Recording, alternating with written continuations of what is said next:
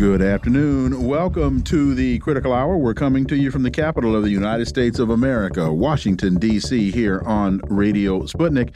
I'm your host, political scientist, author, and nationally syndicated columnist, Dr. Wilmer Leon. I'm joined here by my co host, political analyst, Garland Nixon. Thank you, Wilmer. For the next two hours, we will explore and analyze the salient news stories that are impacting the global village in which we live.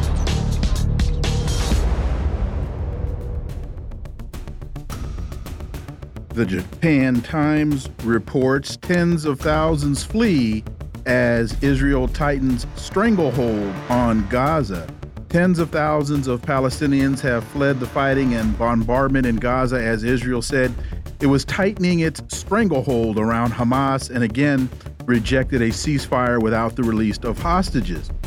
This while Al Mayadeen English reports northern Israeli settlements are quote unquote ghost towns with Hezbollah presence. Northern Israeli settlers or settlements are ghost towns. And it's interesting the contrast in these stories. For insight into this, let's turn to our first guest. He's an award winning broadcaster and journalist based in Beirut, Lebanon.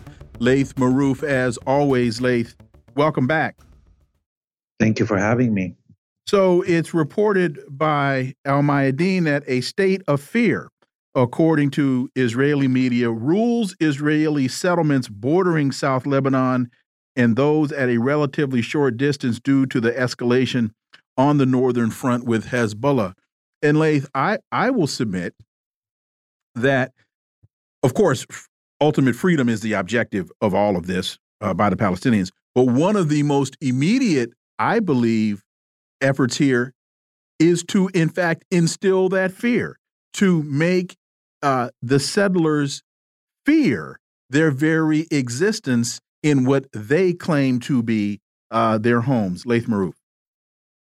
Yes, of course. Uh, what in, in any colonial settler process, uh, as long as the settlers uh, think that they can um, kill at will the indigenous and have no uh, retaliation reach them, the colonial uh, process continues. Of course, uh, Americans know this from the history of uh, its, you know, attacks on indigenous peoples, and um, as long as those indigenous peoples were not able to fight back and uh, you know make the genociding colonists uh, run away, then the colonial process continued as we saw. So uh, the immediate uh, goals and the immediate effects of the resistance we already saw, you know, swaths of lands from around the Gaza Strip were liberated for a short period, but are now still empty of colonists that don't want to go back, and and their only uh, possibility for their colonial states to guarantee their return is to genocide completely the Palestinians out of Gaza, because as long as there's one Gazan Palestinian still alive, they will fight back, and uh, the the security of the uh, colonist is uh, not guaranteed. Similarly, in the north of Palestine, today we heard the uh, head of all the settlements, uh, the colonies in the north of Palestine, tell in a meeting with the colonists that were evacuated, saying that they will not go back until Hezbollah is wiped off the earth. So we have the same equation coming uh, in the north of Palestine as in around the uh, so in around Gaza Strip. And this is a blessing for uh, the Palestinians. It's a blessing for anybody that uh, thinks of liberation of land from a colonial entity. Well, you know, I read um, a, a, an article. It might have been the Washington Post, but this was, uh, uh, you know, about a week or so after the, um, you know, the, the, the October seventh, and they were talking to people, uh, to uh, uh, Israelis who lived in um, northern Israel near the um, near the, the the border with Lebanon, and they were saying two things. Number one we're afraid because we don't we don't think um, you know we're safe here and they said and we don't believe the government can protect us. So that whatever happened, their belief that the Israeli government could protect them has been shattered. So whatever happens, they were basically saying, we're not returning. Yes, and this is exactly why the American military and the Western hordes are now at the shores of Palestine and Lebanon because Uh, uh, the colonial entity that was created by the West is not able to protect the colonists and and the colonists are not don't have any trust that it can protect them including as the military that they have. Therefore the now the mask is off. We're back to 1912 1917 world war one when the colonial armies are the ones coming directly uh, from Europe, uh, North America, to uh, you know establish this colony once more. Uh, it is not an exaggeration when we say that the Zionist entity has already been defeated. The, uh, the fate of its end has already been, been written. And now, what uh, the West is trying to do is stop the march of time. As long as they're not able right now to kill every Palestinian, every Arab in the region who now realizes that they can fight back and liberate this land like we liberated Algeria from the French, then, then the Arabs will keep their head up and they will keep fighting until they liberate this land. And this is why we see this this this this uh, genocidal uh, language coming out from all Western elite. This is why we see uh, the, the threats of the use of nuclear weapons. Uh, this is why we see the United States sending a nuclear submarine. It is all because the Arabs are not afraid anymore, and they have now, for the first time in 100 years of struggle against colonialism in Palestine, we have the military means to actually defend ourselves and liberate ourselves on the battleground. You know, you mentioning the nuclear submarine, that two things one, um, you talking about Arabs not being afraid.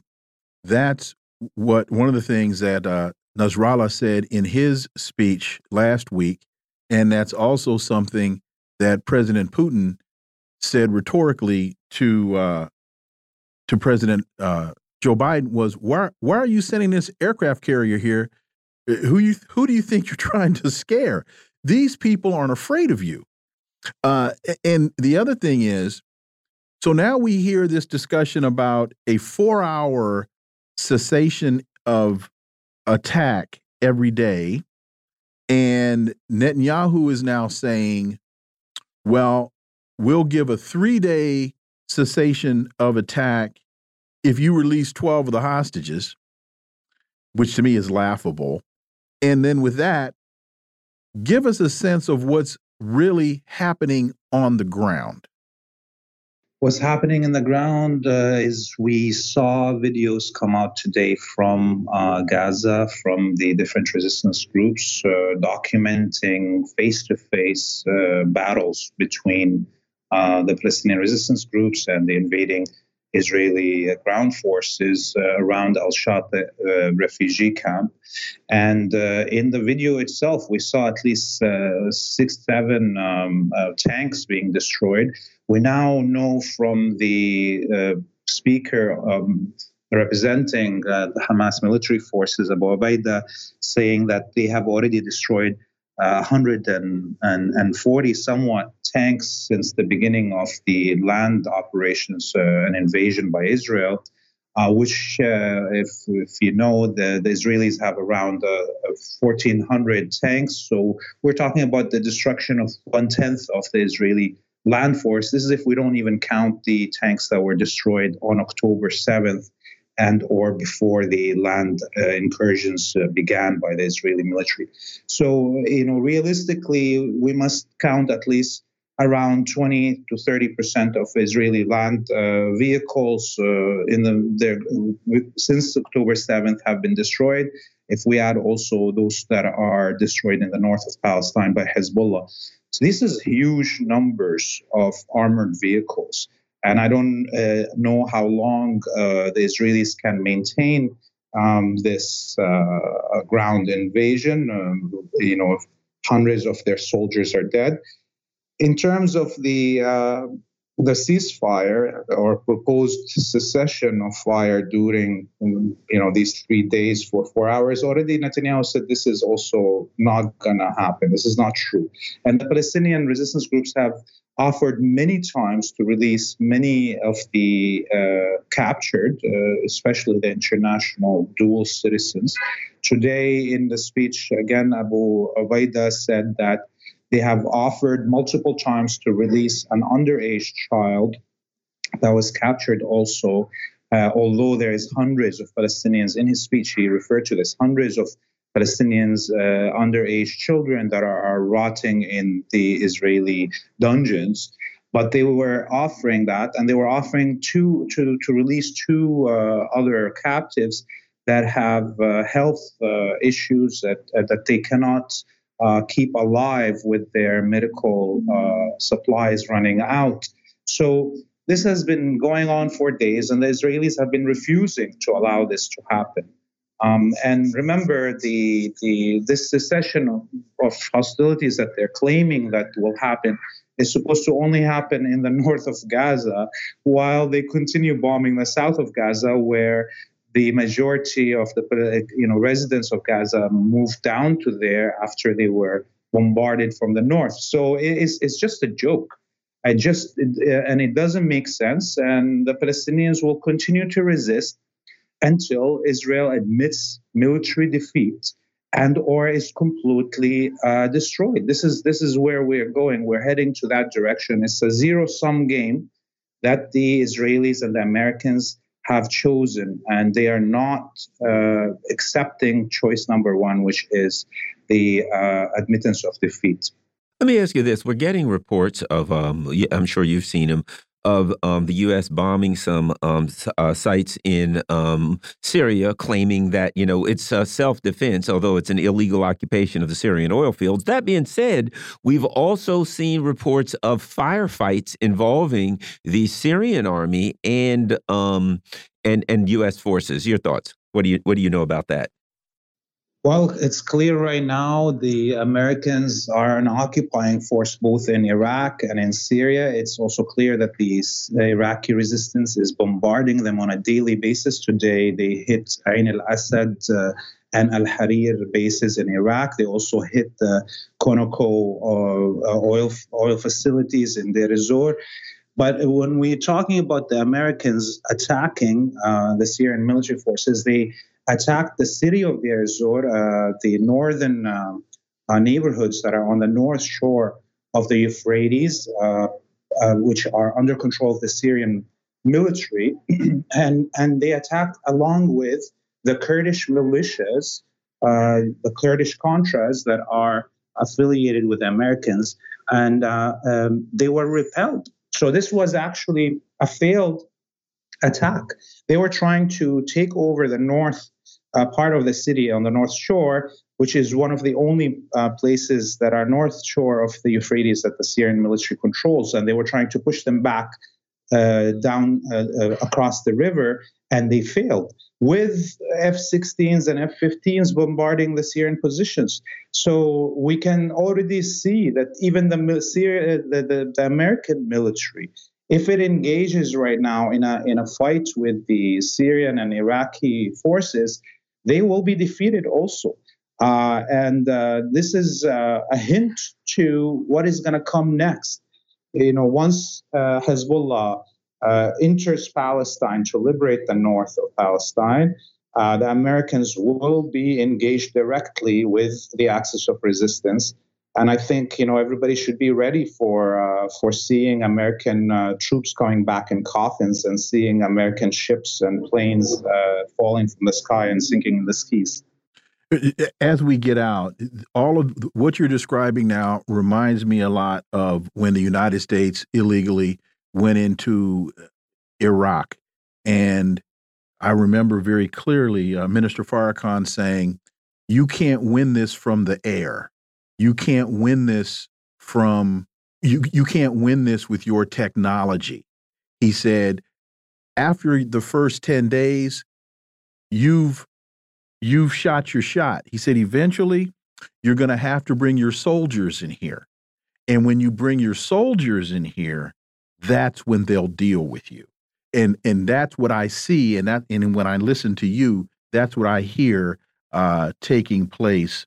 Thirty seconds, Laith Marouf. You are right. And remember, 2003 was 20 years ago, and the Syri Iraqi resistance at that time had no access to the weapons they have today. It is a different day, it's a different world 20 years later. We have the weapons that have been proven on the battlefield of Ukraine can destroy much of the technology of the West. And this battle for the liberation of Palestine will be the last time that the Western uh, Empire ruled from DC will be able to uh, commit such genocides uh, in the open without retaliation.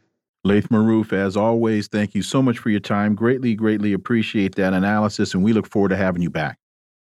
You have a great evening. Folks, you're listening to the Critical Hour on Radio Sputnik. I'm Wilmer Leon. I'm joined here by my co host, Garland Nixon. There's more on the other side. Stay tuned.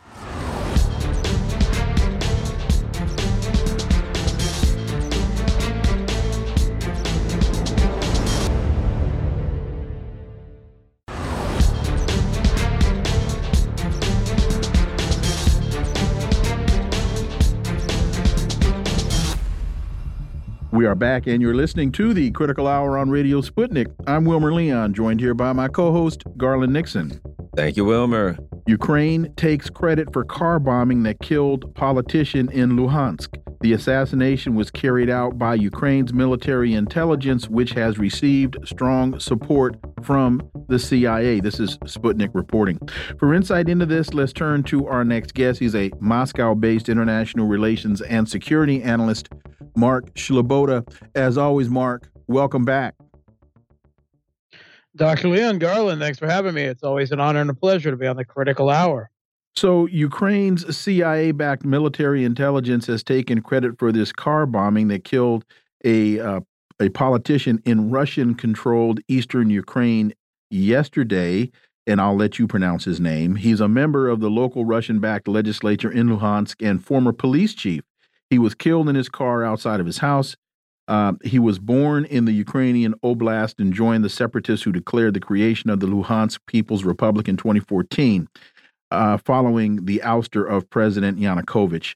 Uh, why is this significant, Mark Sleboda? Okay, well, I mean, this is significant in the sense that it is the Kiev regime continuing their long process of political assassinations of people that it considers to be its own citizens. Now, uh, Mikhail uh, Filiponenko, uh, the uh, Lugansk born and based uh, politician, former police chief who was killed in this uh, terror attack, because that's exactly what it is. It is meant to instill political terror um, he uh, didn't consider himself to be Ukrainian. He now identifies as Russian, as as the people of East Ukraine long have, and certainly uh, did once the uh, a government that they had elected to Kiev was overthrown in 2014 by a, uh, brutal, uh, openly U.S.-backed putsch.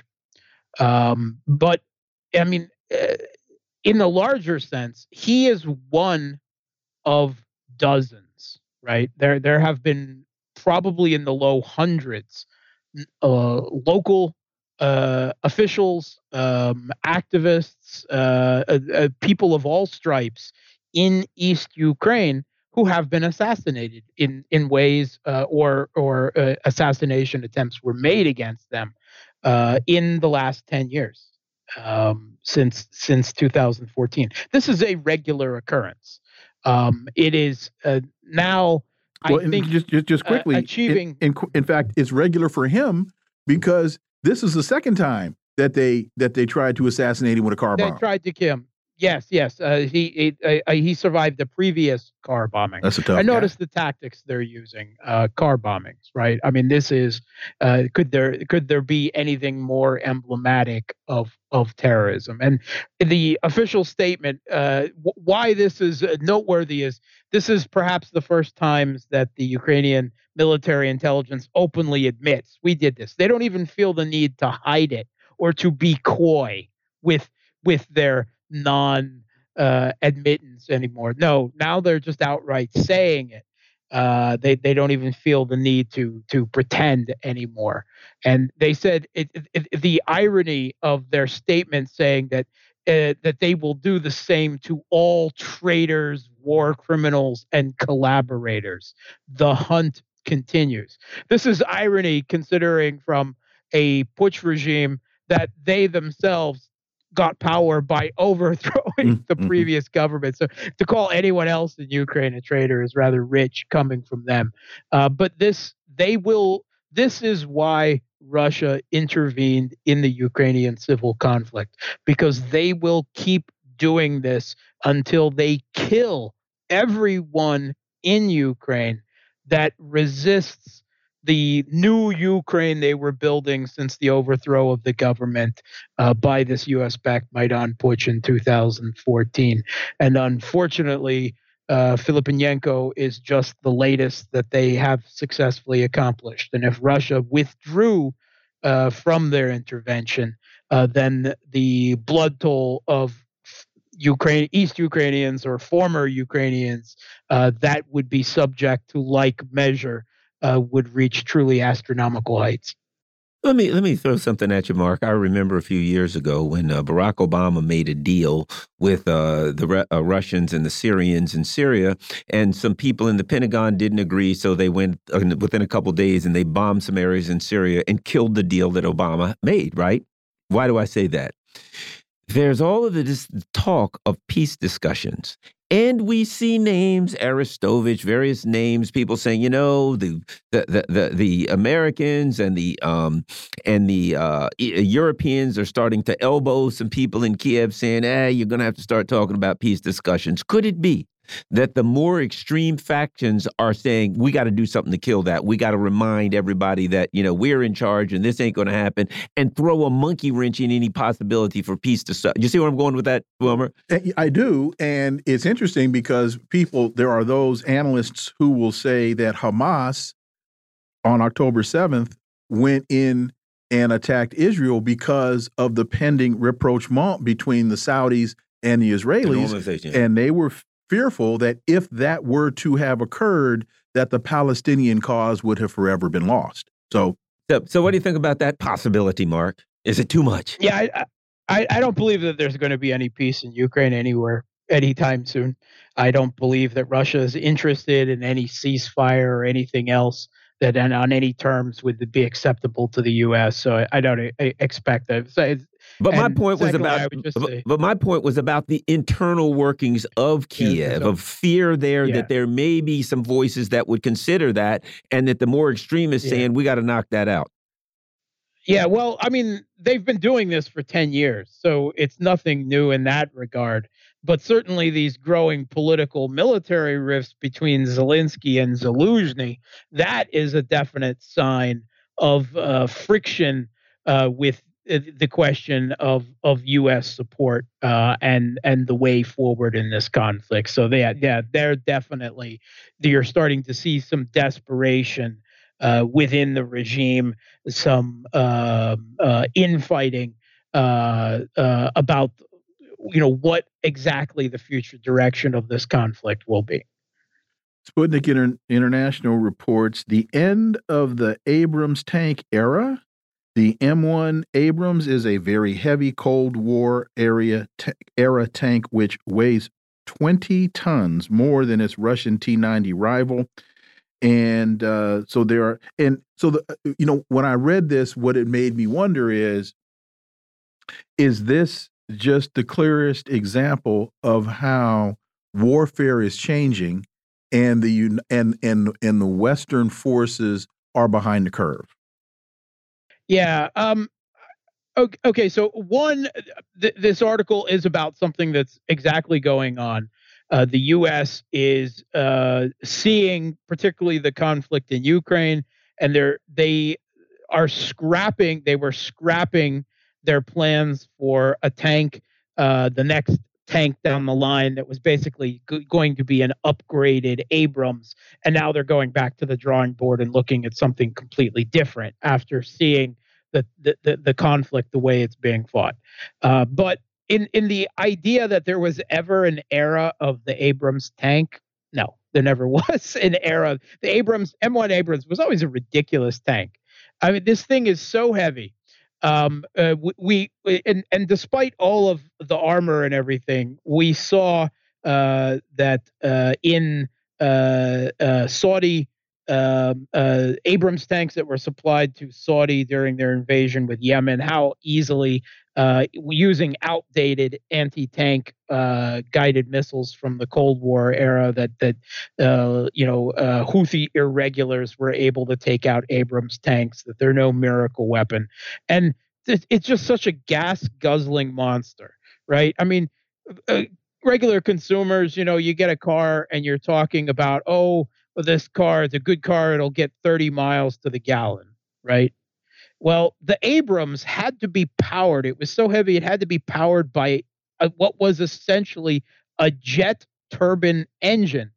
And it took 30 gallons to go a mile, right? The logistics necessary for this thing was ridiculous. And not not 30 miles to the gallon. 30 yeah. gallons to the mile. Yeah, it doesn't get mile, It doesn't mile. get mileage. It's just like a football player. And, it gets yardage. And, yeah, and not even gasoline. It actually needs basically jet fuel. Jet fuel. Right? I mean, that's that's what it's it's a ridiculous thing. And they talk about, "Oh, the M1 fared well during the US invasions of Iraq." Right? I mean, that's that's um I mean, it was it was being pitted up against uh in a few cases uh, it, um, Soviet 1960s tanks that were poorly maintained by the Iraqi government, but also under complete American air superiority and firepower. So, uh, to say that it fared well, it fared well against a essentially a third world country that couldn't really fight back in any real effective way. But as soon as they see these Western tanks, the the M1 and tanks similar to it, like the labor, a, the a, the Leopard uh, uh, two being cooked off on the steppes of Zaporozhia. They're like, yeah, we got to completely rethink what we're doing. And they also specifically talk about one of the reasons why they want a much lighter tank than this monstrosity that was the Abrams, so that they can move it more easily for islands off of China because they're already looking at that conflict going forward, a Pacific war against China. And they want something that they're going to be able to hop around the islands with is much more transportable than the Abrams. And that that right there is frightening uh, that they're even considering that in the redesign. That is the folly of empire uh, Russia only has to have tanks and things that operate on its border based on the terrain. The U.S. empire, they got to have stuff that works in the desert and here because they're trying to fight all over the world, which means if you fight everywhere, you can't fight anywhere. I never know where my next fight's going to be, so I got to be ready to fight anywhere the fight that I decide the fight's going to break out. That sounds kind of expensive there, Wilmer.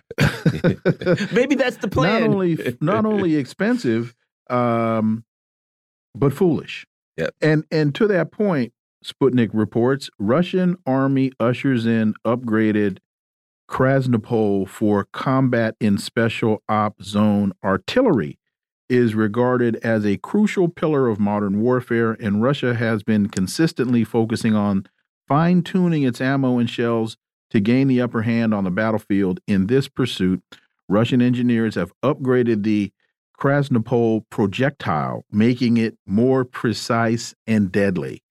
Mark, that sounds yeah. frightening.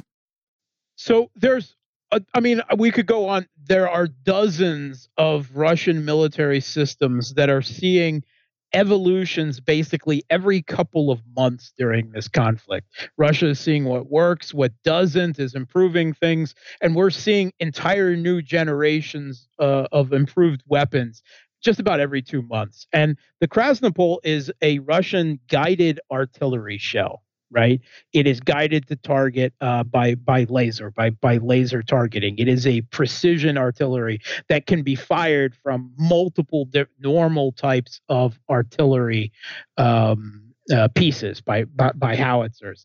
Um, and uh, this new uh, upgrade to it makes it even more precise um, and uh, reaches a larger uh, distance, uh, perhaps further than 25 kilometers, is what they're looking now. And if you're paying close attention to the, the battlefield, the Krasnopol is being increasingly used, giving Russia a very precise, long range uh, behind the line strike capability. And uh, this is only one more way that it's doing it, much like the new improved versions of the Lancet, uh, the kamikaze, the, the loitering munition or kamikaze drone, for instance.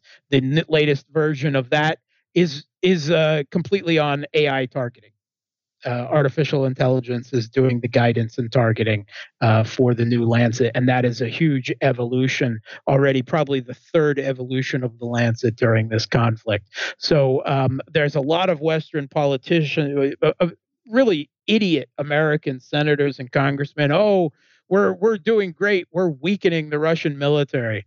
Uh, meanwhile, the American generals know what's really going on. The Russian military is becoming more and more powerful, more and more combat experience. Its weapon systems more and more upgraded and refined. And the Russian military is going to come out of this conflict a much more formidable opponent than it was going in. And, and this new and improved Krasnopol is only one small example of many of that.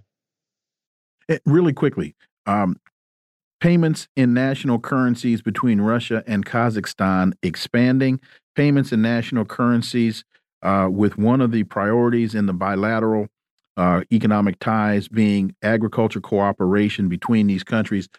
This jumped out at me simply because we were told at the beginning of the Ukraine conflict that the United States was going to turn the ruble into rubble.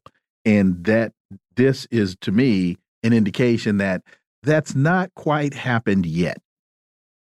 Yeah, I mean, it hasn't happened at all, and, and, in many ways, exactly the opposite. And correct more and more, uh, not not just between close countries like Russia and Kazakhstan, and not only between countries in Russia, but countries around the world, uh, not just the BRICS members, but many others are now looking uh, at shifting as much trade as they can towards bilateral trade in currency to avoid the US dollar. And this was because of the US overreach with their policy of weaponizing their control of the global uh, financial uh, and banking infrastructure uh, to to to um, uh, you know try to crush the Russian economy. And what can be done to Russia can be done to any country in the world, and everyone doesn't want to have their economies held hostage to that kind of uh, crude political leverage by the U.S. and uh, Russia and Kazakhstan conducting trade in each other's concerns currency instead of the dollar is just one more nail going into the coffin of uh, the you know the U.S. as a global reserve currency.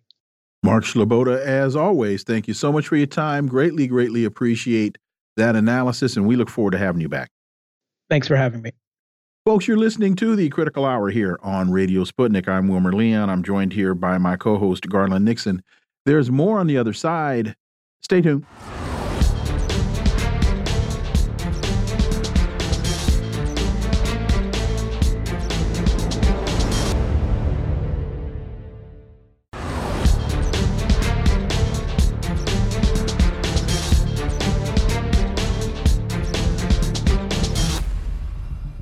We are back, and you're listening to the Critical Hour on Radio Sputnik. I'm Wilmer Leon, joined here by my co host, Garland Nixon. Thank you, Wilmer. Haley spars with Republican rivals at third primary debate as Trump still looms. The third Republican debate of the 2024 presidential primary was held last night in Miami. Five candidates took the stage Chris Christie, Ron DeSantis, Nikki Haley, Vivek Ramaswamy, and Tim Scott, Senator Tim Scott. For insight into this, let's turn to our next guest. She's an independent American journalist and RT correspondent, Rachel Blevins. As always, Rachel, welcome back. Thank you for having me. So, missing again from the stage was frontrunner Donald Trump, who instead hosted a rally not far away in uh, Hialeah, Florida. I guess, again, when you're 35 or 40 points ahead, there's no need to show up and debate. but uh, once again, this was like an hour of my life I'll never get back. Rachel. Yeah, that is a good way to describe it. I'm right there with you on this one. And yeah, I think that Trump is definitely sending a message where, for the third time, he's being called almost a winner from this debate because he didn't even show up and take part in it. I know after the second one, his campaign came out and they said, hey, maybe you guys should just stop having debates because we have continued to see the polls in which Trump has skyrocketed to the top in terms of GOP support. And it almost seems like it is just the sparring for second place at this point. You know, you've got Ron DeSantis and Nikki Haley. And I guess in a way, you know, they can continue fundraising and it works for them to kind of stay in this contest and they get to go to the debate stage and have their little sound bites cut out and shared around. I know that certainly seems to be the case for someone like Vivek Ramaswamy. He went from someone who was virtually unknown to now it's like you've got little clips of him, you know, calling out Nikki Haley and I guess Ron DeSantis technically as well for their heels or the reports of such, uh, you know, all over social media. And so maybe that's what's in it for them, but it does feel like a loser to this debate is, of course, the American people because you look at these five candidates and they all their rhetoric on Israel is in lockstep with each other when mm-hmm. they are making comments like saying that they would tell Netanyahu to just finish the job while talking about the Gaza Strip where you have 2.3 million people. I don't exactly want to know what they mean by finish the job in that sense, but it certainly seems like their similarities stood out a lot more than their differences last night. You know, uh, when I also when I watch the GOP debates, I understand why Trump is blowing them all out because the the you know you watch the GOP debates and what you get is canned responses. You know, I'll cut taxes more than you. Oh yeah, well I'll pump more oil than you. Oh yeah, well I'll make the government smaller than you. It's every GOP discussion and talking point for the last 30 years and you look at that and you say Trump, mm, you know, is Trump, but he's saying other stuff. He's addressing other stuff and they just all look like the same person for the most part and they bicker a little bit about a TikTok or something. But when I look at that I'm thinking, yeah, I see why point uh, why, why Trump's blowing these clowns out. Your thoughts, Rachel? Yeah, absolutely. And, you know, I mean, I'm not someone who's particularly a fan of any of these people or Trump, but looking at this party and looking at, you know, what it has come to, you're right. It's like you know exactly what to expect. And the fact that they're even up there arguing about TikTok, I mean, don't we have bigger things to deal with? Instead, it's just become this game of who can get the best talking points and sound bites and maybe get a percentage point or two in the polls at this point. But yeah, I mean, Trump is someone who is very good at campaigning. This is where he excels. He goes to the smaller towns in middle America. He makes people feel as though he's listening to them in a way that Joe Biden certainly is not. And that's why you're seeing the polls trend in the way they are that's why you're seeing, you know, a New York Times poll saying that Trump is beating Biden in five swing states or that it could look that way is because you have someone who actually finds a way to resonate with the American people versus the guy in the White House who right now seems so obsessed with getting us to World War III in any way possible that the average American who is struggling to pay rent and buy groceries and put gas in their car, they're looking towards Washington and they're saying, well, wait a second, not only is the guy in the White House completely obsessed with all of these foreign conflicts, but the members of Congress are too. We get a new House Speaker. What is the first thing they do? They pass a resolution reaffirming support for Israel, and then they pass $14.3 billion for Israel. Now, do I think that Trump is going to come in and fix everything? No. But I do think that when it comes to campaigning, he certainly makes it sound like he will. And that is what is resonating with people at the end of the day. So when you peel back this onion, with the exception of Chris Christie, who amongst the five that were on the stage makes the most sense to me, and I'm not a Chris Christie fan. Um, are they are the four of them, excluding Christie, really trying to position themselves to be Trump's vice president? Ooh, that's a good question. I I could see that maybe because they're all they're all Trumpians. They're they're you know they've all they've all sipped from the Trump trough. Um, And Vivek Ramaswamy is trying to be Trump reincarnate. With well, all... uh, uh, uh, Haley completely turned on Trump, though. She's completely. you know, I mean, I'll put it like this. You know how Trump is. If you say bad things about Trump, you're and, and they know it. So I would say she's until, not. Until you say the next good thing about him, then he wants to take you to dinner. Yeah. So, okay, but but given that, so throw, we can throw her out. But I, I I I would not be surprised if she got a call from Donald Trump, and then all of a sudden you, you see him at the disco, or not necessarily um not necessarily uh, vice president. Well, cabinet other, positions, yeah, other cabinet positions, or or whoever wins, right. they're searching for cabinet right. but, positions. But VP at the yeah. top of the list. Yeah, I think that definitely could be the case. And I also think you're seeing that in kind of the rhetoric that they brought to the stage, which is typically at this time, you would see the candidates going up and really calling out Trump, right? Saying, hey, this is the front runner, yes, but this is why I'm better than the front runner. And you really didn't see much of that aside from I know Ron DeSantis had his comment about calling Trump out about saying that Mexico would pay for the wall at the southern border and that sort of thing. But beyond that, it seemed as though there was kind of more of a focus on taking on whoever the Democratic nominee is going to be. And yeah, that could certainly lend itself to the fact that you have these individuals saying, okay, well, if I can't be the GOP nominee, I could be Trump's vice president because you know it's not going to be Mike Pence. Or I could get a high ranking position in his cabinet and then continue on and maybe be the GOP nominee next time around. Although for every single one of these people, it's still terrifying to me because they don't seem to care that World War III is around the corner and they're the ones who are pushing the button, getting us closer and closer to it. House GOP subpoenas Hunter Biden alongside suite of Biden family members Hunter Biden and his uncle Jim have been subpoenaed yesterday by the House Oversight Committee, which took the remarkable step of seeking depositions from family members of President Biden amid its impeachment inquiry. Your thoughts? You know, I think it's absolutely the bare minimum that the House Republicans could do at the moment, but I am very curious to see how this turns out, what we find out here in terms of finally getting some depositions, because the reality is we really haven't heard much from the other Bidens. You know, I can't even tell you what Hunter Biden's voice sounds like. That's how quiet he has been. What has been notable is that his team has just been filing lawsuit after lawsuit. So I think a lot of this is going to come to a head in 2024. And it could be the thing that sinks Joe Biden's campaign because the American people are already in a position of saying, okay, we're not happy with your policies here, here, and here. And you've got all of this family drama, and now it's being paraded out into the public. And that could end up being the thing that does him in. But we'll have to wait and see how they handle all of this. And of course, what we hear from the other Biden members, Biden family members, rather. But but I am interested to watch and will be getting the popcorn ready.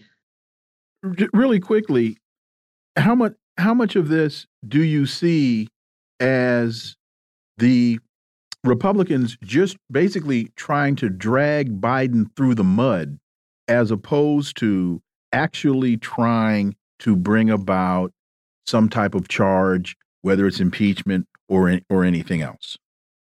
See, I think it depends on the Republican who you ask. I think if you're asking someone like uh, Matt Gaetz or someone who really is in it, then they will absolutely say, yes, we want some sort of justice. That'll, you know, kind of be their rallying cry for the Bidens. For others, they look at, you know, what was done to Trump and they think that they need to do the same version of it. And then for even more others, I don't think they really care, but I think that they realize that, oh, hey, there's at least something here if we can drag Biden through the mud and it helps us out in 2024, then why not? Because that's politics at the end of the day.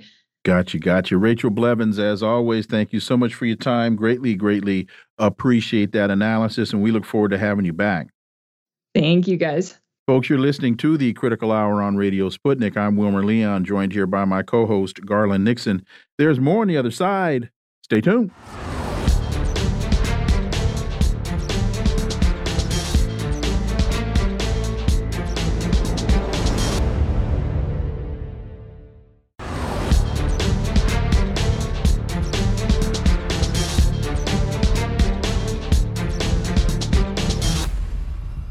We are back, and you're listening to the Critical Hour on Radio Sputnik. I'm Wilmer Leon, joined here by my co host, Garland Nixon. Thank you, Wilmer. Al Mayadeen English reports U.S. can't help Israel defeat Hezbollah.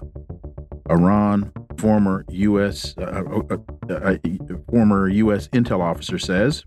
Scott Ritter grills Biden's foreign policy in the Middle East and hails Hezbollah's strategy in the region amid Israel's aggression on the Gaza Strip. For insight, let's turn to our next guest. He's a former U.S. Marine Corps intelligence officer who whose service over a 20 plus year career included tours of duty in the former Soviet Union, implementing arms control agreements, serving on the staff of U.S. General Norman Schwarzkopf during the Gulf War, and later as a chief weapons inspector with the UN in Iraq from 91 to 98.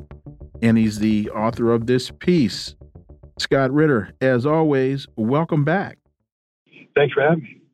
You explained that Netanyahu is the only person who wants the northern front to open with Lebanon in order to draw the U.S. into the war his government is leading on Gaza because he realizes that his forces are not up to the task. They can't defeat Hamas and Hezbollah at the same time. Your thoughts, Scott Ritter? Well, I mean, that's an accurate statement. Israel's done two uh, major exercises in the last two years. Uh, last year was uh, exercise Chariots of Fire. This year was exercise Firm Hand. And the whole purpose of the exercises was to stress test the Israeli Defense Force to see what would happen if everything went bad at once. If Hezbollah came over the border, if Syria went after the Golan Heights, if Iran started firing missiles, uh, and then if the West Bank broke out in um, you know, unrest like an intifada, and if uh, Hamas started carrying out terrorist attacks. And under that scenario, um, Israel was not able to prevail, uh, especially with the Iranian aspect of the scenario, without major U.S. military intervention. Um, that you know, it, it, it's clear. And, and the other thing is that Hezbollah has capabilities, and the Israelis have acknowledged this, that they don't even know yet. So you can't prepare for that. Hezbollah can overwhelm the Iron Dome uh, just with you know volume alone. Uh, the Iron Dome's already going through an ammunition crunch because of what Hamas has done. If Hezbollah engages and they fire 100,000 unguided rockets, there are no more interceptor rockets left. And the last 100,000 rockets that uh, Hezbollah has are precision guided munitions that would hit, you know, with deadly precision uh, the economic, the political and the military infrastructure of Israel. Meanwhile, the Israeli Defense Force has proven that it's incapable of closing with and destroying the Hezbollah military target. They tried that in 2006 and they failed. Uh, Hezbollah has uh, improved its capability since then. Uh, more than a decade of uh, combat experience in Syria has hardened these fighters. They've developed technology specifically designed to defeat Israel, the United States, and anybody else who might align themselves against it. So, you know, this is the reality of Israel on its own uh, cannot cannot defeat Hezbollah. And why is this important? Because the Israeli objective of destroying Hamas is a red line for Hezbollah, meaning that in order for Israel to fulfill its stated objective, they will have to fight Hezbollah. Uh, Hassan Nasrallah, the leader of Hezbollah, has done a masterful job of escalation management to this point. Um, you know, doing just enough to distract the Israeli military, um, but not enough to. But Israel will have to provoke an all-out war, or they will provoke an all-out war. Uh, are in a position where they that's when we intervene. And the other issue that's not talked about is Netanyahu's political fortunes. This is a man who is um, was all politically uh, because of his decision to rewrite Israeli basic law to uh, disenfranchise the judiciary from an independent branch of government to one that uh, was, you know, held accountable to the legislature who could impeach any judge who did something as audacious as seek to hold Netanyahu accountable for the numerous charges of corruption that have been lodged against him. He also is, you know, the prime minister who was at the helm when Israel suffered its greatest defeat ever in history. Uh, unless he can turn this conflict, which is going bad for him, militarily and politically. Thousands of people are demonstrating outside of his residence every day, calling for his resignation. And as the truth starts to emerge about the reality of what happened on October 7th, uh, Netanyahu will be even more uh, politically at risk. And so the only way he can alter that political equation is to enlarge the conflict, to make it too big for his resignation, that he must stay on just for the sake of continuity. Um, and then he can hope and pray for a victory that will uh, restore his, uh, his, his fading star. But that's that's what's going on right now. Uh, and Nasrallah has been very good at denying uh, Netanyahu uh, the opportunity to expand this war. Nasrallah and, and the United States. The United States doesn't want to expand it expanded as well. So, you know, it's a it's a waiting game right now. What's going to happen first? Um, a red line crossed, or Netanyahu is uh, evicted from uh, his position as prime minister. My my money's on Netanyahu getting the boot sooner rather than later. Let me ask you this, Mark. Um, one of the discussions that's constant is about the war spreading. Now we're getting rep two reports: reports that the U, you know the U.S.'s bases in Syria and all over are getting hit. We get a report that the U.S. does a quote defensive airstrike in Syria where they're illegally occupying. But now we're getting reports that there are fierce firefights between U.S. and Syrian um, forces. Has the war spread? Well, the war is spreading. This is the problem with something of this nature. Um, you know, there are passions. Um, you have people attacking the United States, the Shia militia the, uh, in Syria and Iraq, who have an affiliation with Iran.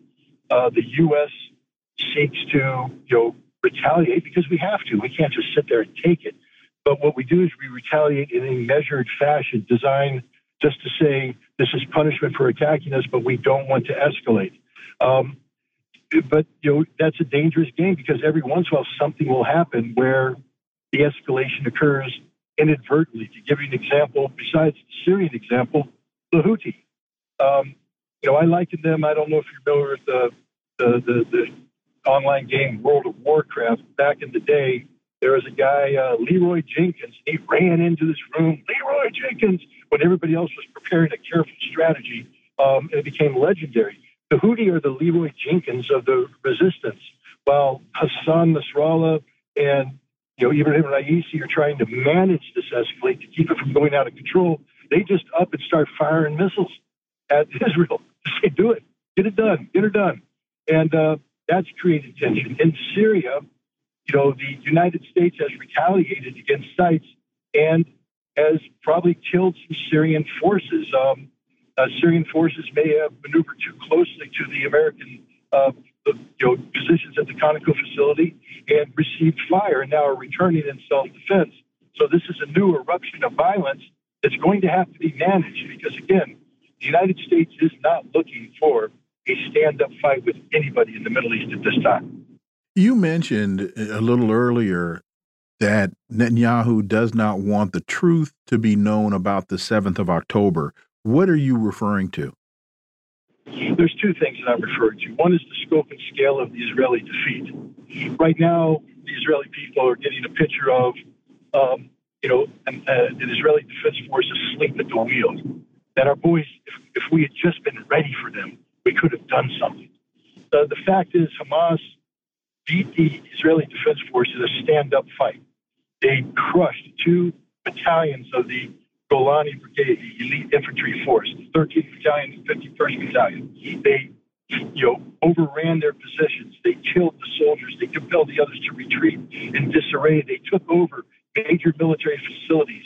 Uh, they disabled intelligence collection apparatus. They gathered the intelligence on their own. This was a major military success that pierces the mythology of Israeli invincibility, not just in terms of you know, the all-seeing nature, all-knowing nature of Israeli intelligence, which is likely been proven false and humiliated, but the IDF itself, which was considered to be somewhat of an invincible force, not anymore. But the other thing that people are finding out is, and you see this, the Israelis again don't want to call it a military assault because if they do that, they have to acknowledge that the vast majority of the casualties they suffered that day, the vast majority were military casualties. Why so many? We were told only a couple hundred. No, it's the vast majority are military casualties because Hamas whipped them in a fair fight. uh, the civilians. So now we get into the trickier question because now people have to talk about how did the civilians die? You see the Israeli government talking about beheaded babies, raped women, burned grandmas, this. No. What happened is the Israeli army killed these people, the vast majority of them. Of the 260 uh, some odd people that are running around in the desert from the uh, party that got crashed by Hamas paragliders, um, the vast majority of them were killed in a firefight between Hamas and Israeli security forces on the ground.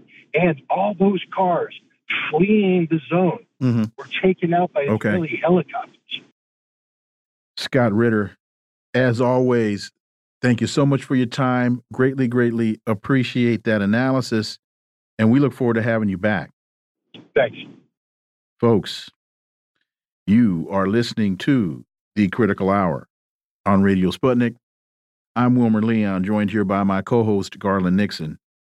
There's another hour on the other side. Stay tuned.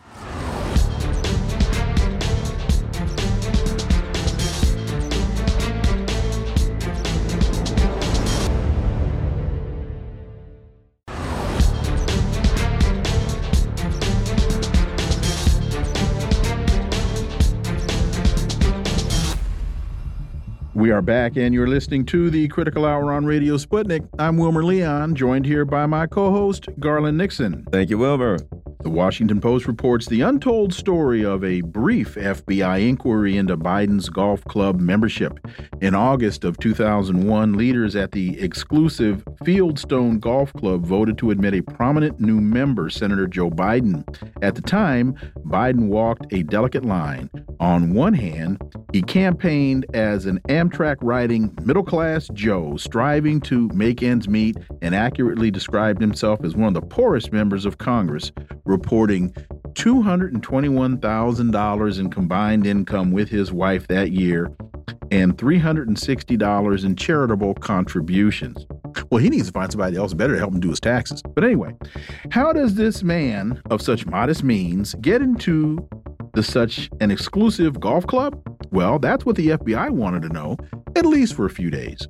For insight into this, let's turn to our next guest. He's a former Maryland Republican Party vice chairman and chief executive officer of X Factor Media Inc., Eugene Craig III.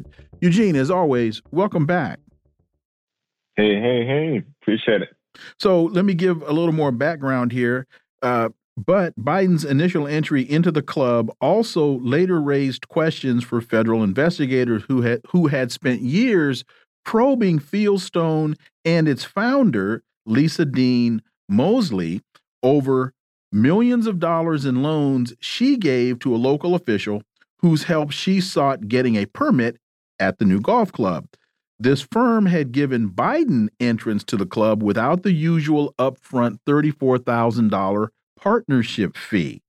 And so they wanted to determine whether he had received an undue, unreported financial benefit. Eugene, there are two elements to this that I'd like for you to to, to discuss. One is the obvious.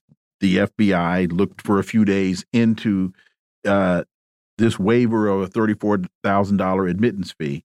But the other thing is, this in the Washington Post seems to be the latest in a number of stories that are putting Joe Biden on Front Street and raising question about should he pursue a 2024 presidential bid. We've got the story in September from David Ignatius. We've got uh, Dan uh, David Axelrod last week. There was another uh, opinion piece that said he shouldn't do this. We've got um, the the the conservative reporter uh, George Will. George Will saying this. So here's just another brick in the wall, Eugene Craig. To quote Pink Floyd, uh, Eugene Craig. uh, so, so, so the, we'll talk about that part first, right? I actually think, look, I don't think Joe or Trump should run for president. Um, I think one, both are too old. Um, and I know it may sound a little ageist, but it is what it is, right? Um, I would even argue that, hey, you know, it's okay being that, you know, we actually have a bottom, a floor on which, an eighth floor on which uh, somebody should be able to run for president. I don't think it's necessarily wrong to say somebody's too old to run for president. Um, I also think that um, I also think that you know one the other part is that public opinion is saying that. So I mean the thing is this, right? Running for president, like running for any other office, is asking the public to essentially to hire you. It's giving the public the opportunity to hire you. And the public's currently saying, hey, we don't want either one of y'all. But the issue is that the political party structures are saying, hey, you, you guys are who we want. Um, and so the question begs, you know, um, you know, do what what what makes a 2024 if you have two people that that the country don't want, that you know the country doesn't want, um, but in some respects, uh, you know, without proper options, may end up with. But but but I, I will say this to to the to the first premise of, of the story when it comes to the, the, a golf club membership. Um, I mean, I guess the question would, would become, you know, does does the waiving of a fee constitute financial benefit? Um, you know, and secondly, you know, would it, anybody else not necessarily that have the same level of status receive uh, a waiving of the fee? I would think that a waiving of the fee does, in fact. uh, if you had talked to the IRS, I think they're going to say that does. Uh, that is, but, but you know what? When I look at stuff like that, to be quite honest, I'm so cynical about. You know, we're right here on K Street. I'm so cynical about the way things work that every time I see corruption against a politician, I'm like, yeah, that you ain't gonna have nobody left in Congress or anywhere else if you start looking at the because they're all just double dealing, getting every dime they can. But you know, you may, let me ask you about the point you made, and that is when you get to the point where it's top down, where the parties or whoever are saying, you know, we want this guy, and they kind of are overlooking what the citizens want. That's not democracy. You can't argue it's a democracy anymore if the citizens are like, you know, can we get somebody else? And the people that are running the party are like, nah, we'd prefer this person. We already got them primed. And plus, they do everything we tell them to do. Eugene. I mean, that's, that's what happens. I mean, the thing is this, right? I, I, I hate Vivek, but, and I hate everything he stands for. But I do think it took, you know, some cojones to get on stage last night and call out Ronna. Although, although I do think that, you know, one more time, a lot of these, these losses, you know, you can talk about tactical, you can talk about resource allocation, you could talk about, um, you know, how the RNC prioritizes races and you know what they may what they what, what they may be doing or what they may be lacking when it comes to actually moving the needle. And I have a lot of big gripes about things like that. But one thing I don't think anybody can put at the foot of the RNC is, hey, y'all keep running on abortion and keep talking about being pro-life, at least in theory, when it comes to you know in the womb, and voters keep rejecting it at resounding numbers. That's not an RNC problem.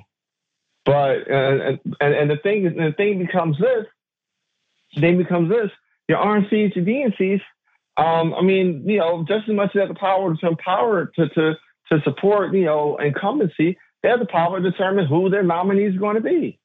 You know, when when when when the delegates of the RNC meet next year and the delegates of the DNC meet next year, I mean, I'm, I'm hoping there's some smart people in the room that say, "Hey, listen, guys, we might want to optimize our chances to win this election rather than like, you know, run on the base the, the best minimum chances we can get.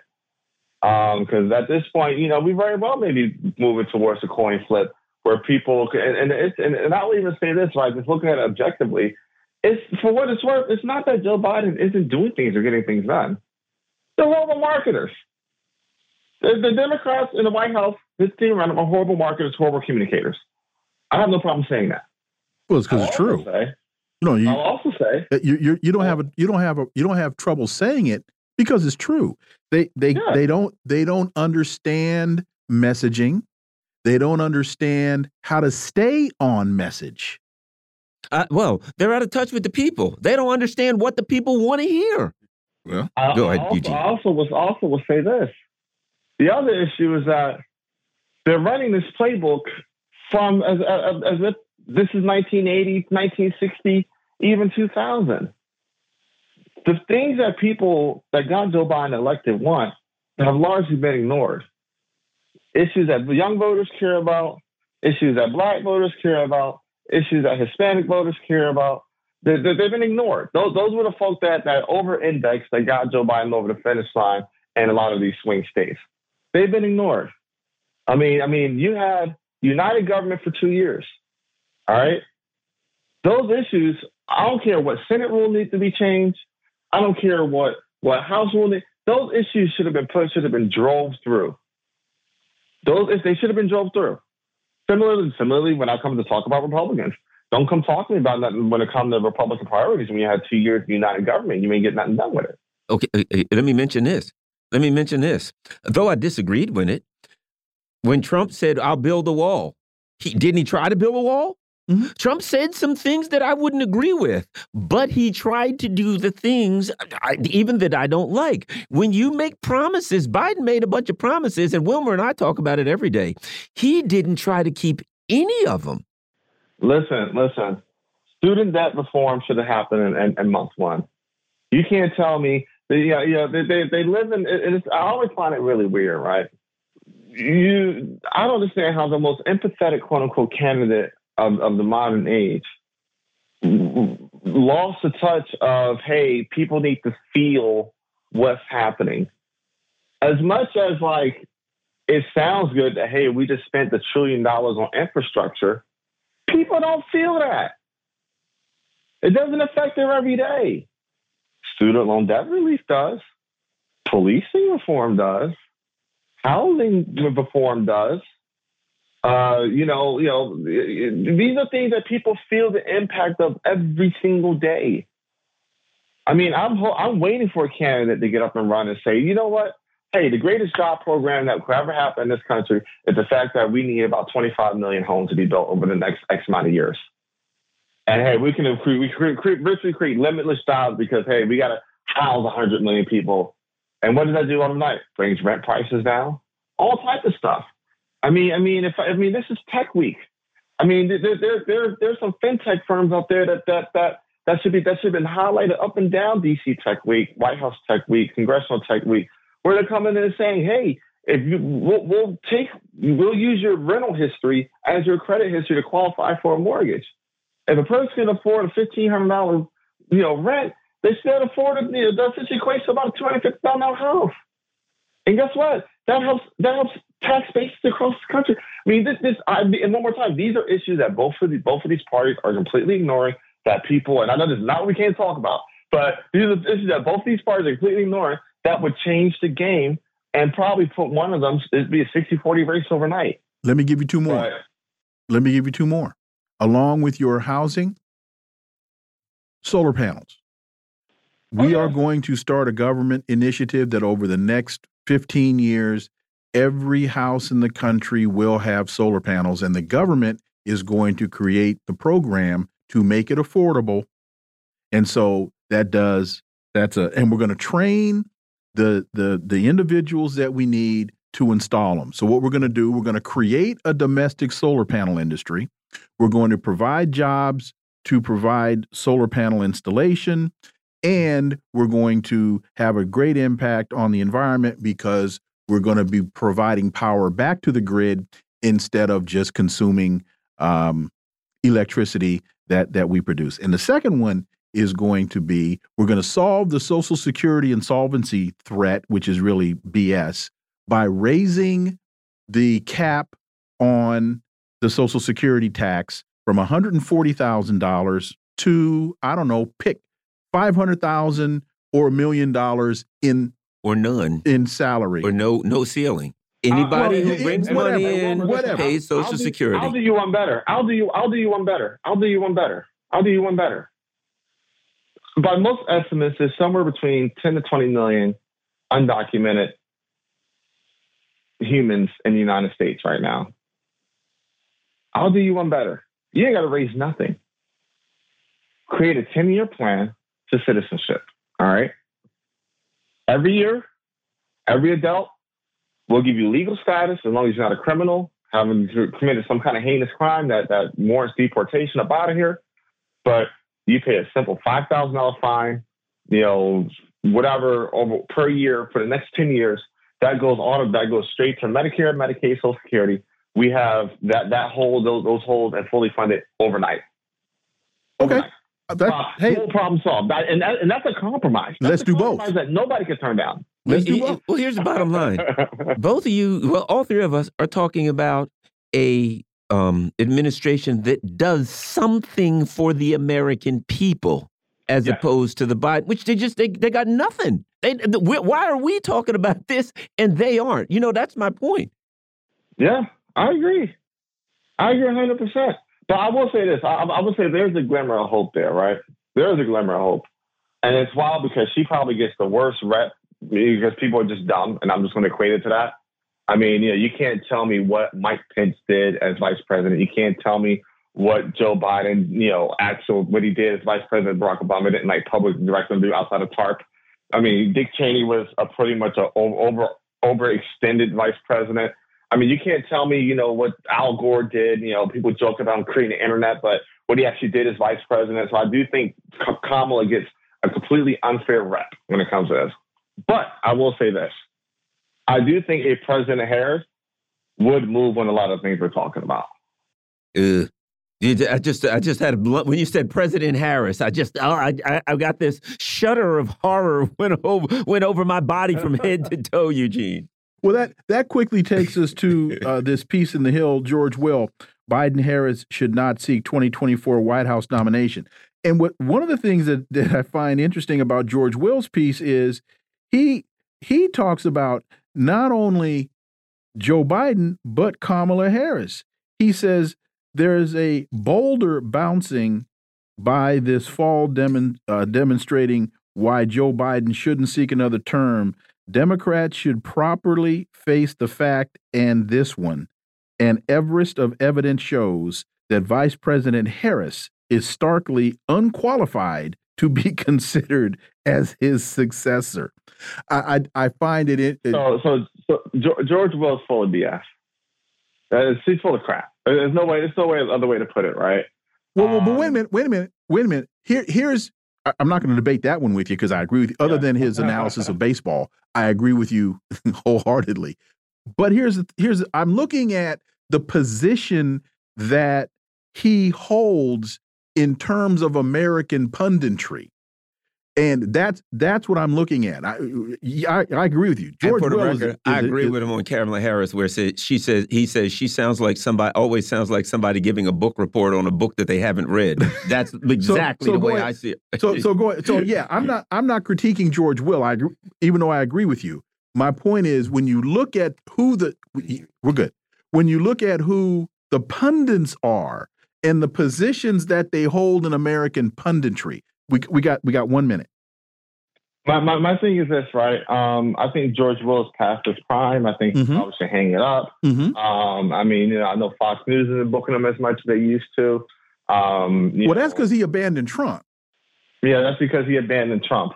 But you know, for what it's worth, George Will also laid the road that led to Trump too, and I oh think that's you're absolutely right probably needs to take place. So, so, and and and and what happened over the last decade and a half when it comes to the Republican Party. So, my thing is this: um, you know, I think we need to go back to let's, let's, let's rewind back to May 2019, uh, and that's the Kamala Harris. that I think she probably should be judged by, not this shell of the person that the White House has created. mm. Well we'll have to debate that one at another time eugene craig hey man we really appreciate your analysis as always anytime, anytime. thank you for carving the time out for us that you have. And as always, uh, Eugene, we look forward to having you back. Always talk to you guys soon. Folks, you're listening to the Critical Hour on Radio Sputnik. I'm Wilmer Leon. I'm joined here by my co host, Garland Nixon. There's more on the other side. Stay tuned.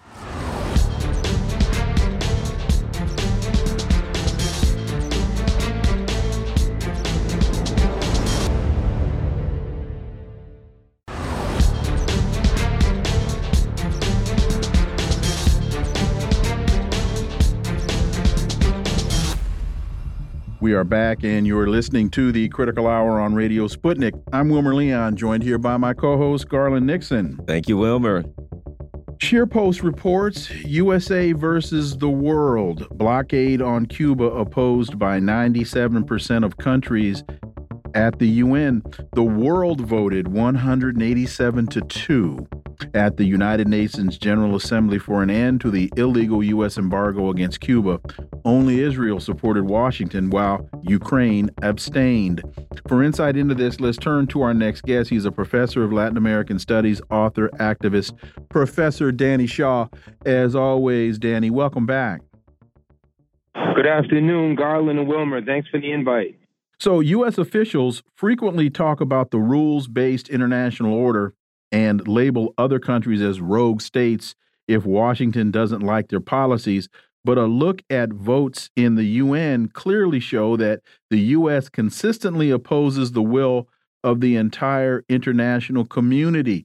Speak to that, if you would please, Professor Shaw, and then talk about it in the context of the, the U.S labels countries rogue states, but that's not only as it relates to governments, that relates to uh, uh, academics and other individuals that challenge the so called rules based order.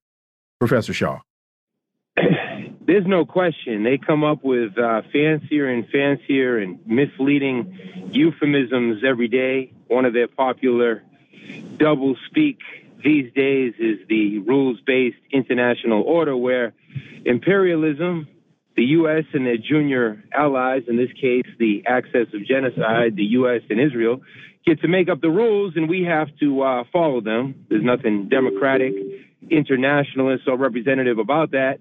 Whether it comes to Cuba or it comes to Palestine, we see how isolated the quote unquote collective West or the imperialist countries are and they try to position themselves as the quote unquote international community.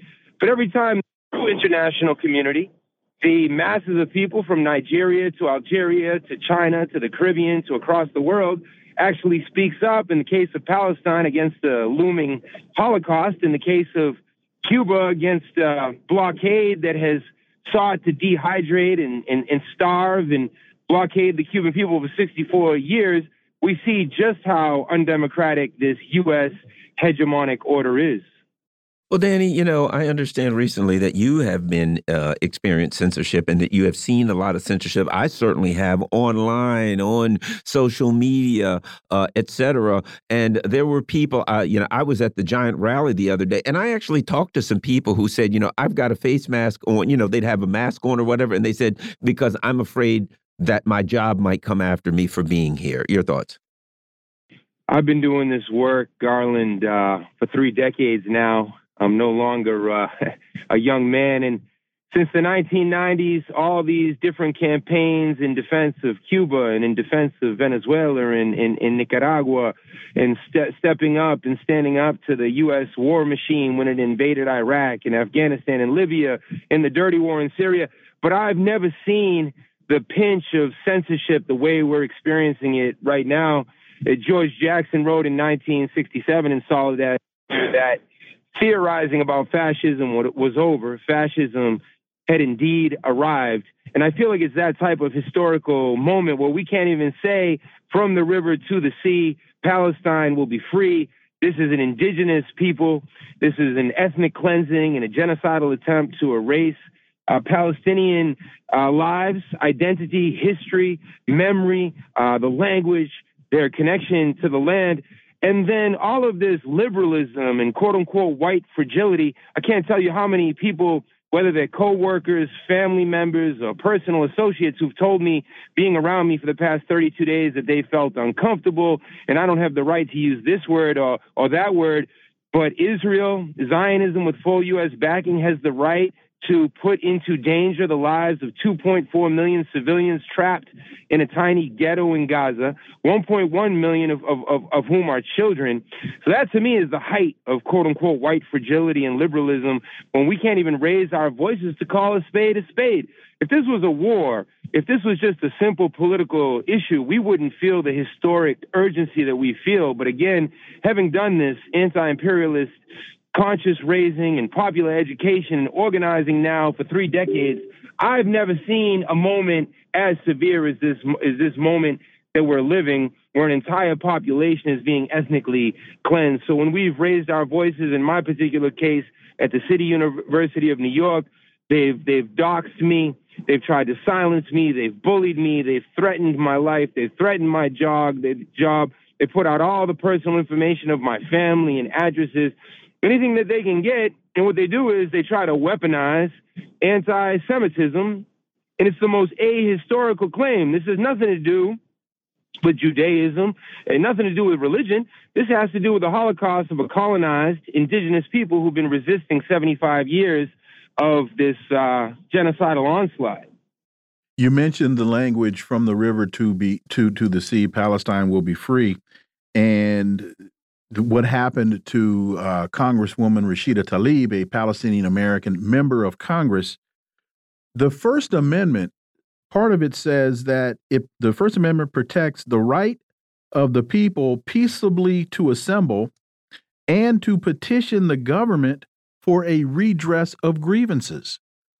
Where better to petition the government for a redress of grievances than on the floor of Congress by a member of Congress? I mean, if if this is not a fundamental violation of her First Amendment right, and thereby, by extension, the First Amendment rights of not only the people from Michigan that she represents, but all American people, I don't know what is. I know. I think it's important to look for analogies. I mean, imagine if tomorrow they passed a law that none of us could ever critique Saudi Arabia or Qatar or Oman or, or, or, Mexico or whatever government, whatever political system. And that's really how Zionism has thrived now for 75 in the shadows because they have dehumanized Palestinians. Malcolm X talked about how you can't have capitalism without racism.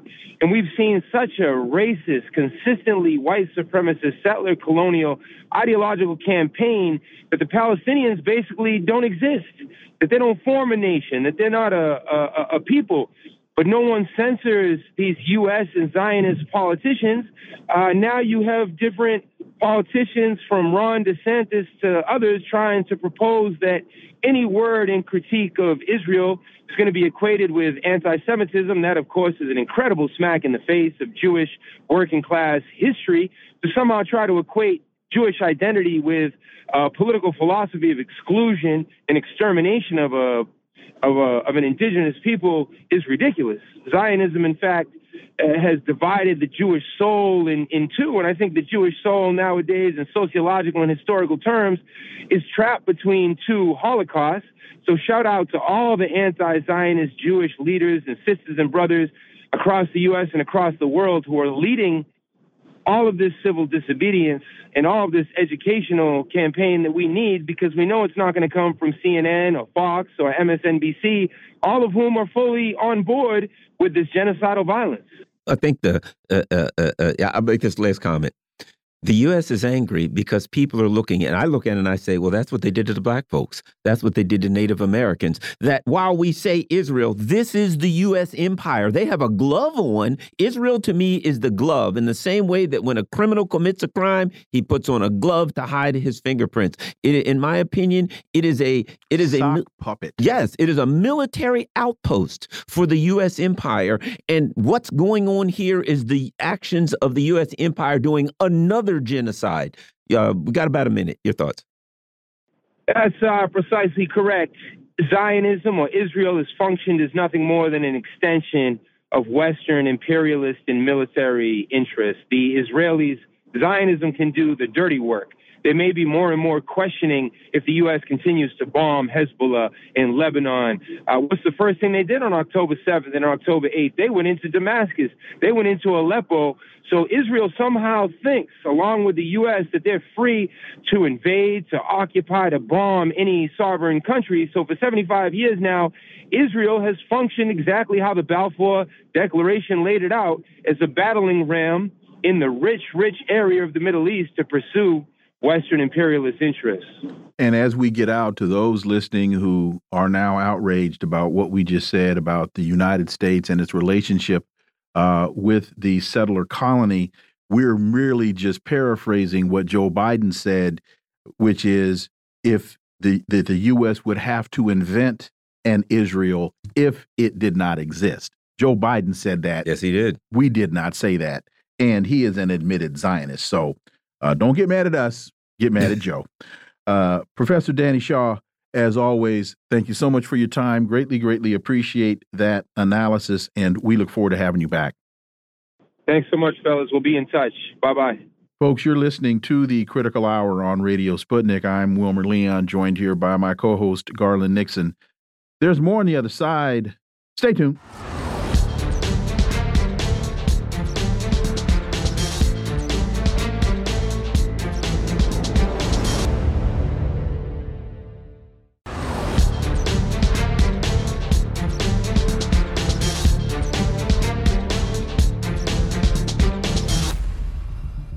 We are back, and you're listening to the Critical Hour on Radio Sputnik. I'm Wilmer Leon, joined here by my co host, Garland Nixon. Thank you, Wilmer.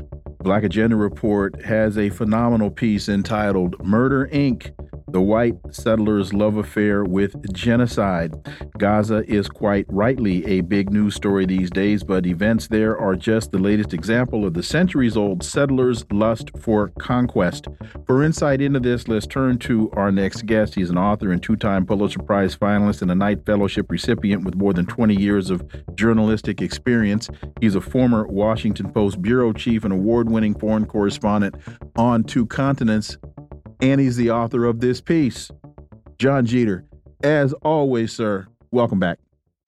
Pleasure is all mine, brothers. So you start this analysis with the 1994 massacre in Kigali, and that quickly spread across across the Rwandan countryside. Why did you start your analysis of this most current horrific genocidal catastrophe with the 1994 U.S. backed horrific genocidal atrocity? I, I, think what triggered me uh, to write this story was the, and this is very much the narrative during uh, the Black Lives Matter during George Floyd, and I think even before that with you know the Michael Brown lynchings and uh, Tamir Rice and Black Lives Matter continually basically asking the people. Can we stop killing black people? And the and the response that we got was basically no, no, we can't. We're going to continue to kill black people, right? And and what triggered me was that basically this is the same thing that these millions of people around the world are demanding. Can we just stop killing Palestinians? Can we stop murdering Palestinians? And the answer from the West, the state, uh, the, the, the governments of the West, at least, is, is a resounding no.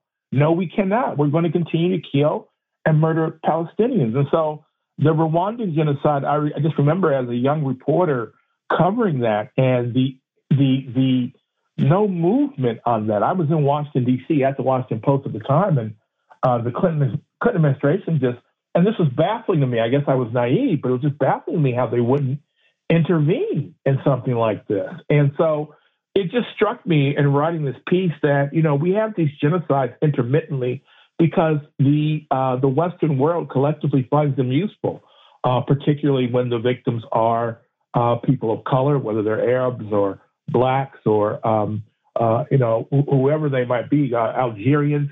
Uh, the West finds them useful because, of course, it's a tool of annexation, and when it's not a tool of annexation, it's a tool to intimidate, to put the fear of death in subjected people, subjugated people. So that's kind of, I guess, my my um, very, very not very non-linear way of, of writing this piece, of coming to write this piece. Uh, uh, you know, John, and here's the the thing I, uh, uh, I look at it too. Okay, the U.S. provides Israel with um, the bombs to drop right? The um, we've got soldiers on the ground. We've got ships surrounding it, saying if anybody tries to interfere, we'll kill you. If you try to stop this onslaught against this small uh, uh, resident, you know, uh, civilian enclave, we'll kill you. So we're giving them the and we're literally now going to start giving them the money to survive and pay all their bills on a day to day basis. And the U.S. completely supports everything here and then has the gall to say, well, we ask them to stop, but they won't listen to us. I got an idea. Just say, if you don't stop, we won't give you any more bombs, intelligence, or anything. And they have no, it's an implausible argument, John. That's what I'm saying. Well, here's one thing that my father would say he'd say, son, you can't ignore my advice and then try to take my money. it's my an important. dad Yeah. was, my dad was very clear on that. Don't ignore me. Get yourself in a jam, and then ask me to give you the money to get out of the jam. Uh, I'm not going to do that. John Jeter. Yeah, uh, years ago, I was a city council, city hall reporter in Minneapolis, and there was a some kind of uh, uproar about a contractor who did something bad, and this this uh, uh, councilman, Walt Dziedzic, I'll never forget him, got up and he just lit into them, tore them a, a new you know what, you know. And then when it was over, I was interviewing the contractor, and he says, "Oh, don't listen to that." He says, "Walt really likes us." And of course, a few weeks later, uh, Walt Dziedzic approved this contract. So uh, since then, I've, I've, I've tended to listen to what uh, politicians do and not what they say, because of course they're very conscious of what it looks like, and so a lot of times they use this big talk to cover their tracks uh, as an alibi. That's what that's what genociding Biden is doing. That's what the Biden administration is doing, uh, and, and and and continuing to rubber stamp everything that that Israel is doing to the Palestinians right now, which is, by the way, not just a war crime, but a crime against humanity. Right? These are the things that that everyone involved, Antony Blinken and Joe Biden, uh, the Pentagon chief, the U- UN Secretary for the United States. Uh, they they should be charged with war crimes. If this were a just world or anything resembling a just world, they would be charged with war crimes. And they're trying to cover their tracks. And um, unfortunately, they have a measure, they have a possibility of success because the American people are just so uneducated, so historically illiterate. Uh, and we don't, you know, we're just not very smart people. We just repeat these slogans Israel's right to exist, uh, Israel's right to defend itself. Israel has no right to defend itself. It's like a, a, a burglar, you know, uh, burglarizing your home, intruding your home at night, molesting your daughter, stealing everything that's not nailed down. They have no right to defend themselves. They're occupying power. So, uh, yeah, it, it's um, it's just completely illogical. It's the white settlers' illogical response to criticism of its crimes against humanity.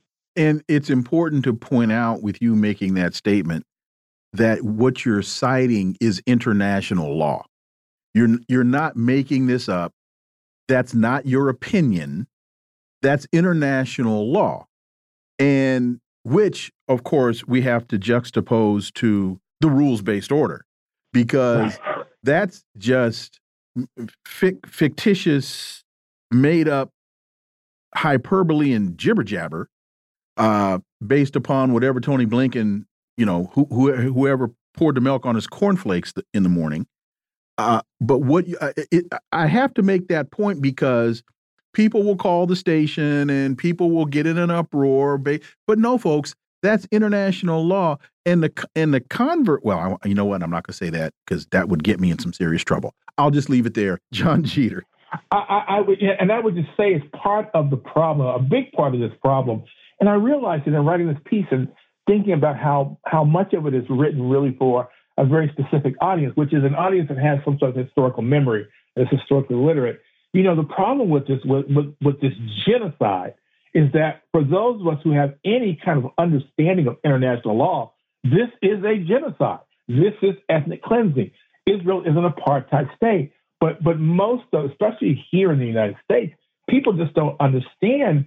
They don't understand the connections between Israel and and and, and white supremacy, either in South Africa during the apartheid era, uh, its origins. You know, uh, um, uh, just just they don't have any sort of um, uh, broader view of this conflict other than you know the idea, for instance, that, that this is a religious battle between Muslims and uh, Jews. It's ridiculous. These are Zionists. Zionists and Jews are not the same people. In fact, many Jews, as we're seeing now, really resent the fact that Zionists co-opt the, the Jewish Jewish struggle, which is very real, right? That they've co-opted that for their own material gain to to to displace uh, Palestinians in their own land. So it's just it's really difficult, uh, and it's almost like we're speaking different languages now. People who sort of uh, at least seek the truth, and people who just really want to keep this con called white settler colonialism going.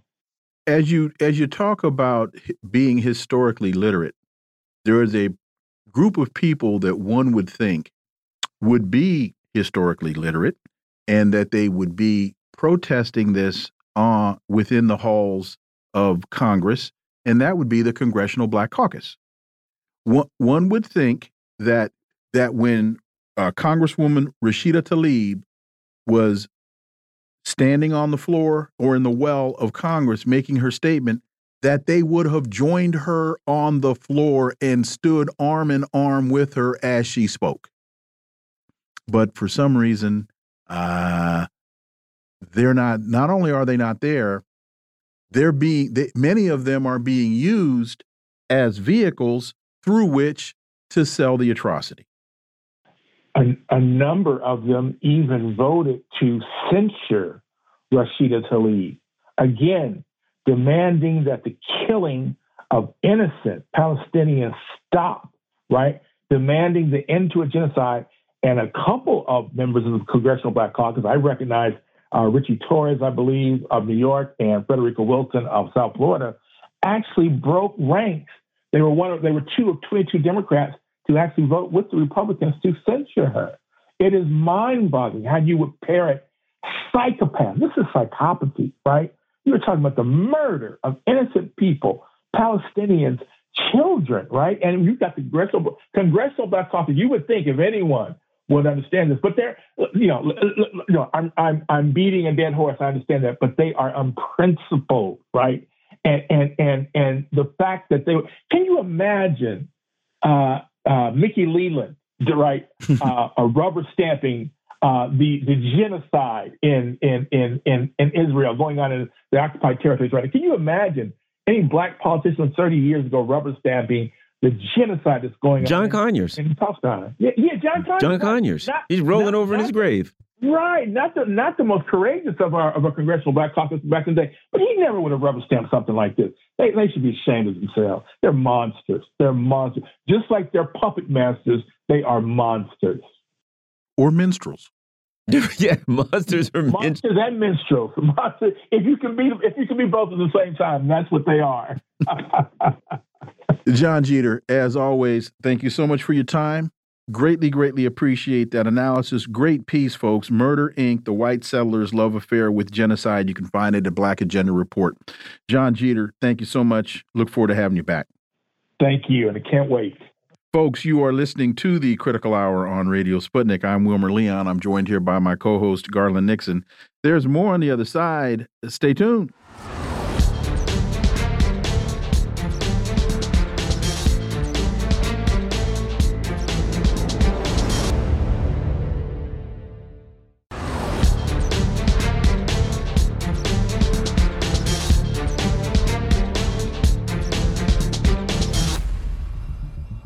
We are back, and you're listening to the Critical Hour on Radio Sputnik. I'm Wilmer Leon. Garland Nixon will join me shortly. U.S. and Israel poised to open Lebanon front. MK Bhadrakumar analyzes developments in the past few days, including the U.S. announcement that it is deploying a huge nuclear submarine, as though there are small ones, near the war zone. For insight into this, we turn to our next guest. He's an independent investigative journalist and author of three books The Frozen Republic, The Velvet Coup, and America's Undeclared War. Daniel Lazare, as always, welcome back. Uh, thanks for having me.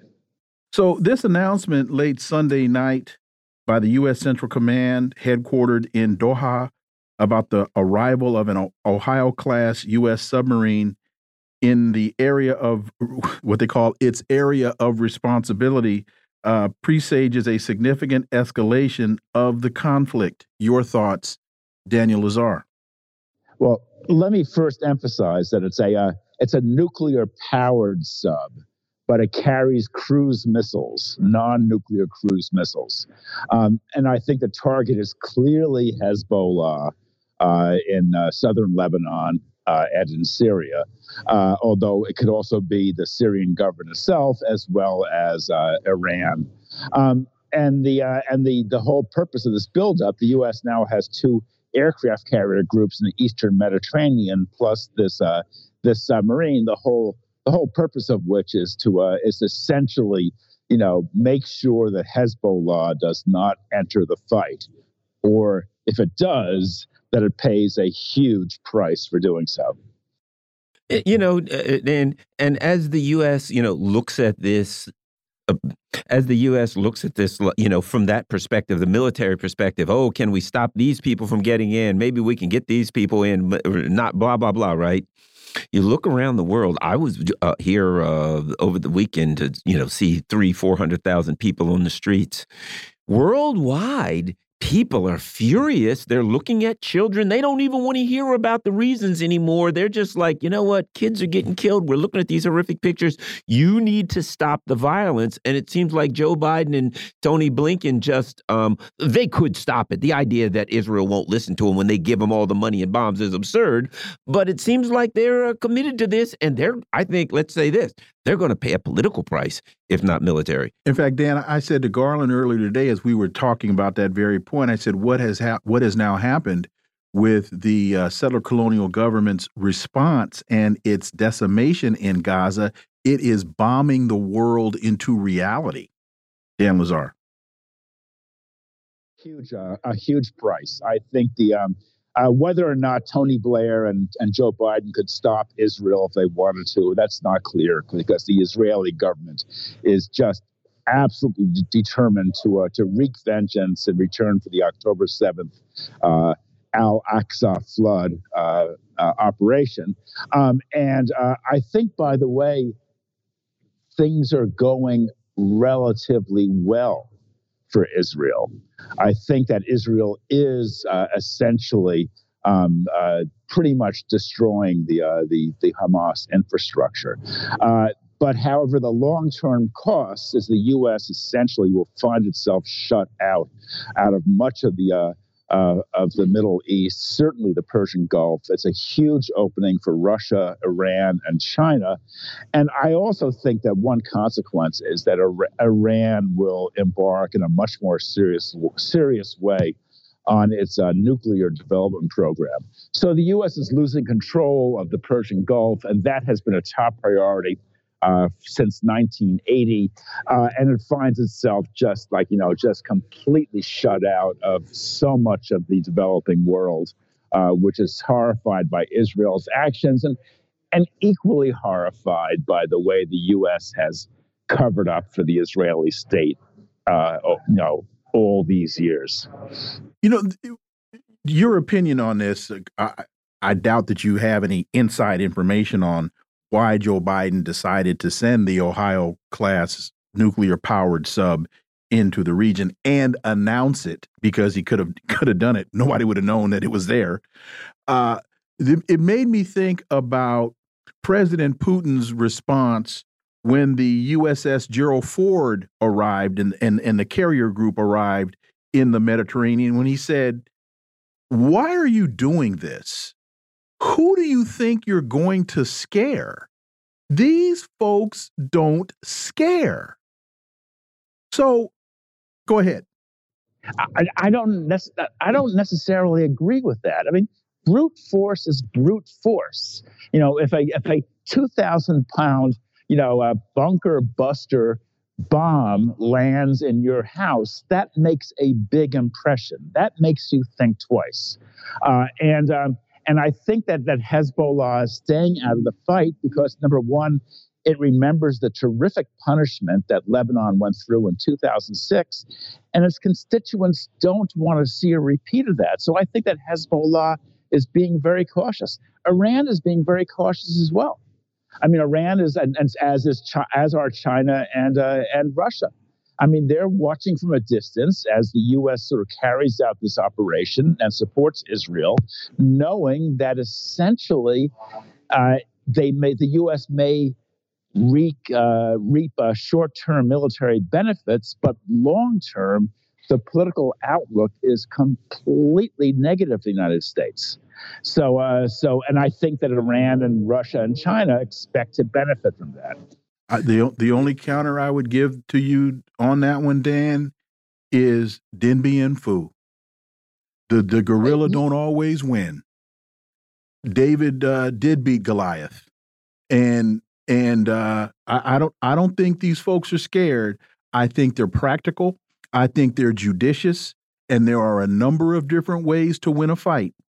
And as as um, um, the the, the leader of of uh, Hezbollah said on on last Friday, I wonder how long, how willing, and how long you all are are, are willing to stay in this fight because we aren't going anywhere. Well, and if I could throw this at you, and, and I think that if you encompass everything, number one, they don't want a war in their region that will just like destroy everything. But the truth is, a war in their region will destroy us too as soon as it interrupts. That's the other part, Dan. If there's something that interrupts the flow of oil, I've been reading a lot on this. The derivatives market would collapse. It would make 2008 look like, you know, a, a walk in the park. So that's the other thing. The world's saying, man, if things go bad with the oil, we are all in a world of hurt, Dan. Well, you know, there's this old Soviet phrase forces. Uh, and uh, I'm sorry, start, start that again. What was that phrase start we that didn't hear? again, You please, broke 'cause up. You broke up on us. it, it- sorry, it's called correlation of forces, the Right. balance of power. Mhm. And I, I just think it's, I, I, this is not a popular thing to say, but I think it has changed. I think that the U.S. is much more powerful relative to the third world than it was 25 years ago, uh, and that the um, that the a repeat of the the oil boy, boycotts of the 1970s is really impossible. I think the um, the the Saudi government has been completely tamed, uh, and um, and the U.S. You know there, there's there's tons of oil. The U.S. is drilling like crazy uh, in the United States it's, itself, which is now oil oil independent, um, and I just don't see a repeat. And I think that, I mean, Lebanon is a bankrupt state. Iraq is a completely broken state. Syria was set back a couple of generations by the Civil War, which we all know was, was really a, a combined U.S. Saudi assault on that country. Um, but I just don't see these countries having the reserves of power to, that would enable them to, to confront the United States. So I think the U.S. and Israel actually will have a fairly free hand. That you know, but I think it's at the cost of completely isolating themselves politically.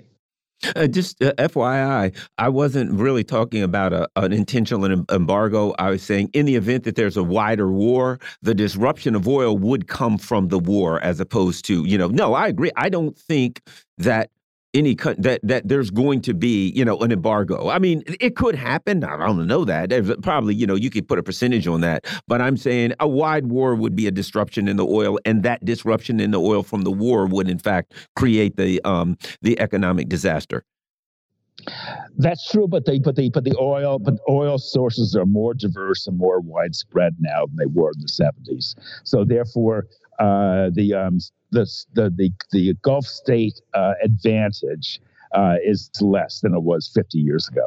I, I just think you know I, I just think the problem is that the I, I I think the problem is number one is that the, the Hamas strategy has failed, uh, and that uh, that Israel is going to win this fight in the very narrow military sense. I think the U.S. will pay a huge price uh, politically, uh, and I think the consequences for the Middle East in general will be just devastating, absolutely devastating. Uh, but I don't see. I think think the Hamas strategy has essentially flopped. Listen, I, I am just. I, I'm just a, a just. I think that that Hamas essentially this operation was one of the most catastrophic setbacks for the Palestinian people since the original Nakba in 1948. I mean, I mean, Israel is destroying Gaza. It's going to be an ethnic cleansing. Uh, you know, whatever happens in, in Gaza, it'll be under very close Israeli control. Uh, it'll mean quasi slavery for the Palestinians. I just see this as a as a real catastrophe. Yemen's, this is from Times of Israel. Yemen's Houthi rebels shoot down American drone. A U.S. drone was shot down by Yemen's Houthi rebels earlier today, according to an Iran backed military arm and a senior U.S. military official. So we've got not only uh, the Houthis shooting down drones, but they also, from time to time, seem to want to send a few missiles that way. Uh, Dan Lazare. They do. The Houthis are really uh, are really unbelievable, but they are a minor minor force compared to the U.S. Israeli war machine. A a minor force. It's like it's like a it's like shooting at a battleship with a uh, with a pea shooter. Uh, and, yeah, but what and, what happened to the USS Cole? Yeah, I got blown up by Al Qaeda. No question about it. But uh, but um, but but no, it didn't. No, it didn't get. No, Dan. Wait a minute. And this is why I asked the question. It didn't get blown up. A explosive device was set at a small explosive device was set at the right place on the water line, and the individuals inside the ship drowned. The ship didn't sink it was incapacitated by that huge ship was decommissioned by a couple guys in a dinghy and an explosive device that was placed at the right point on the waterline. Yes, you're right. And, and, and in fact, Hezbollah has very sophisticated uh, supersonic uh, cruise jets that could be used to target the, uh, the aircraft carriers, U.S. aircraft, aircraft carriers. Whether they do that, I mean, that's, that's possible. I'm sure the uh, those aircraft carrier commands are now you know are now watching their radar very carefully. Mm-hmm. Uh, but but nonetheless, we're still just talking about a huge, a huge, huge imbalance in power, uh, and uh, and I, I just don't see. I, I think this war is militarily unwinnable for the Palestinians and their. But Arab see, Dan, here's the other thing, they, they and, and I got I got to jump in because we're up against the clock. Go. I don't think they ever expect a military victory. What they are expecting is a social victory. They're already making Israelis incredibly unstable and incredibly uncomfortable in what they claim to be are their own homes. And I think they are trying to create and wreak enough havoc to where they destroy the colony socially and internally, not militarily. You got to say politically, diplomatically, yes. public relations. If you look at the broad spectrum of issues here, I think as the context becomes totally different. We got about one minute uninterrupted. Dan Lazare, go ahead. Oh no, I'm sorry. Wait a minute. I just got the sign telling me that I don't.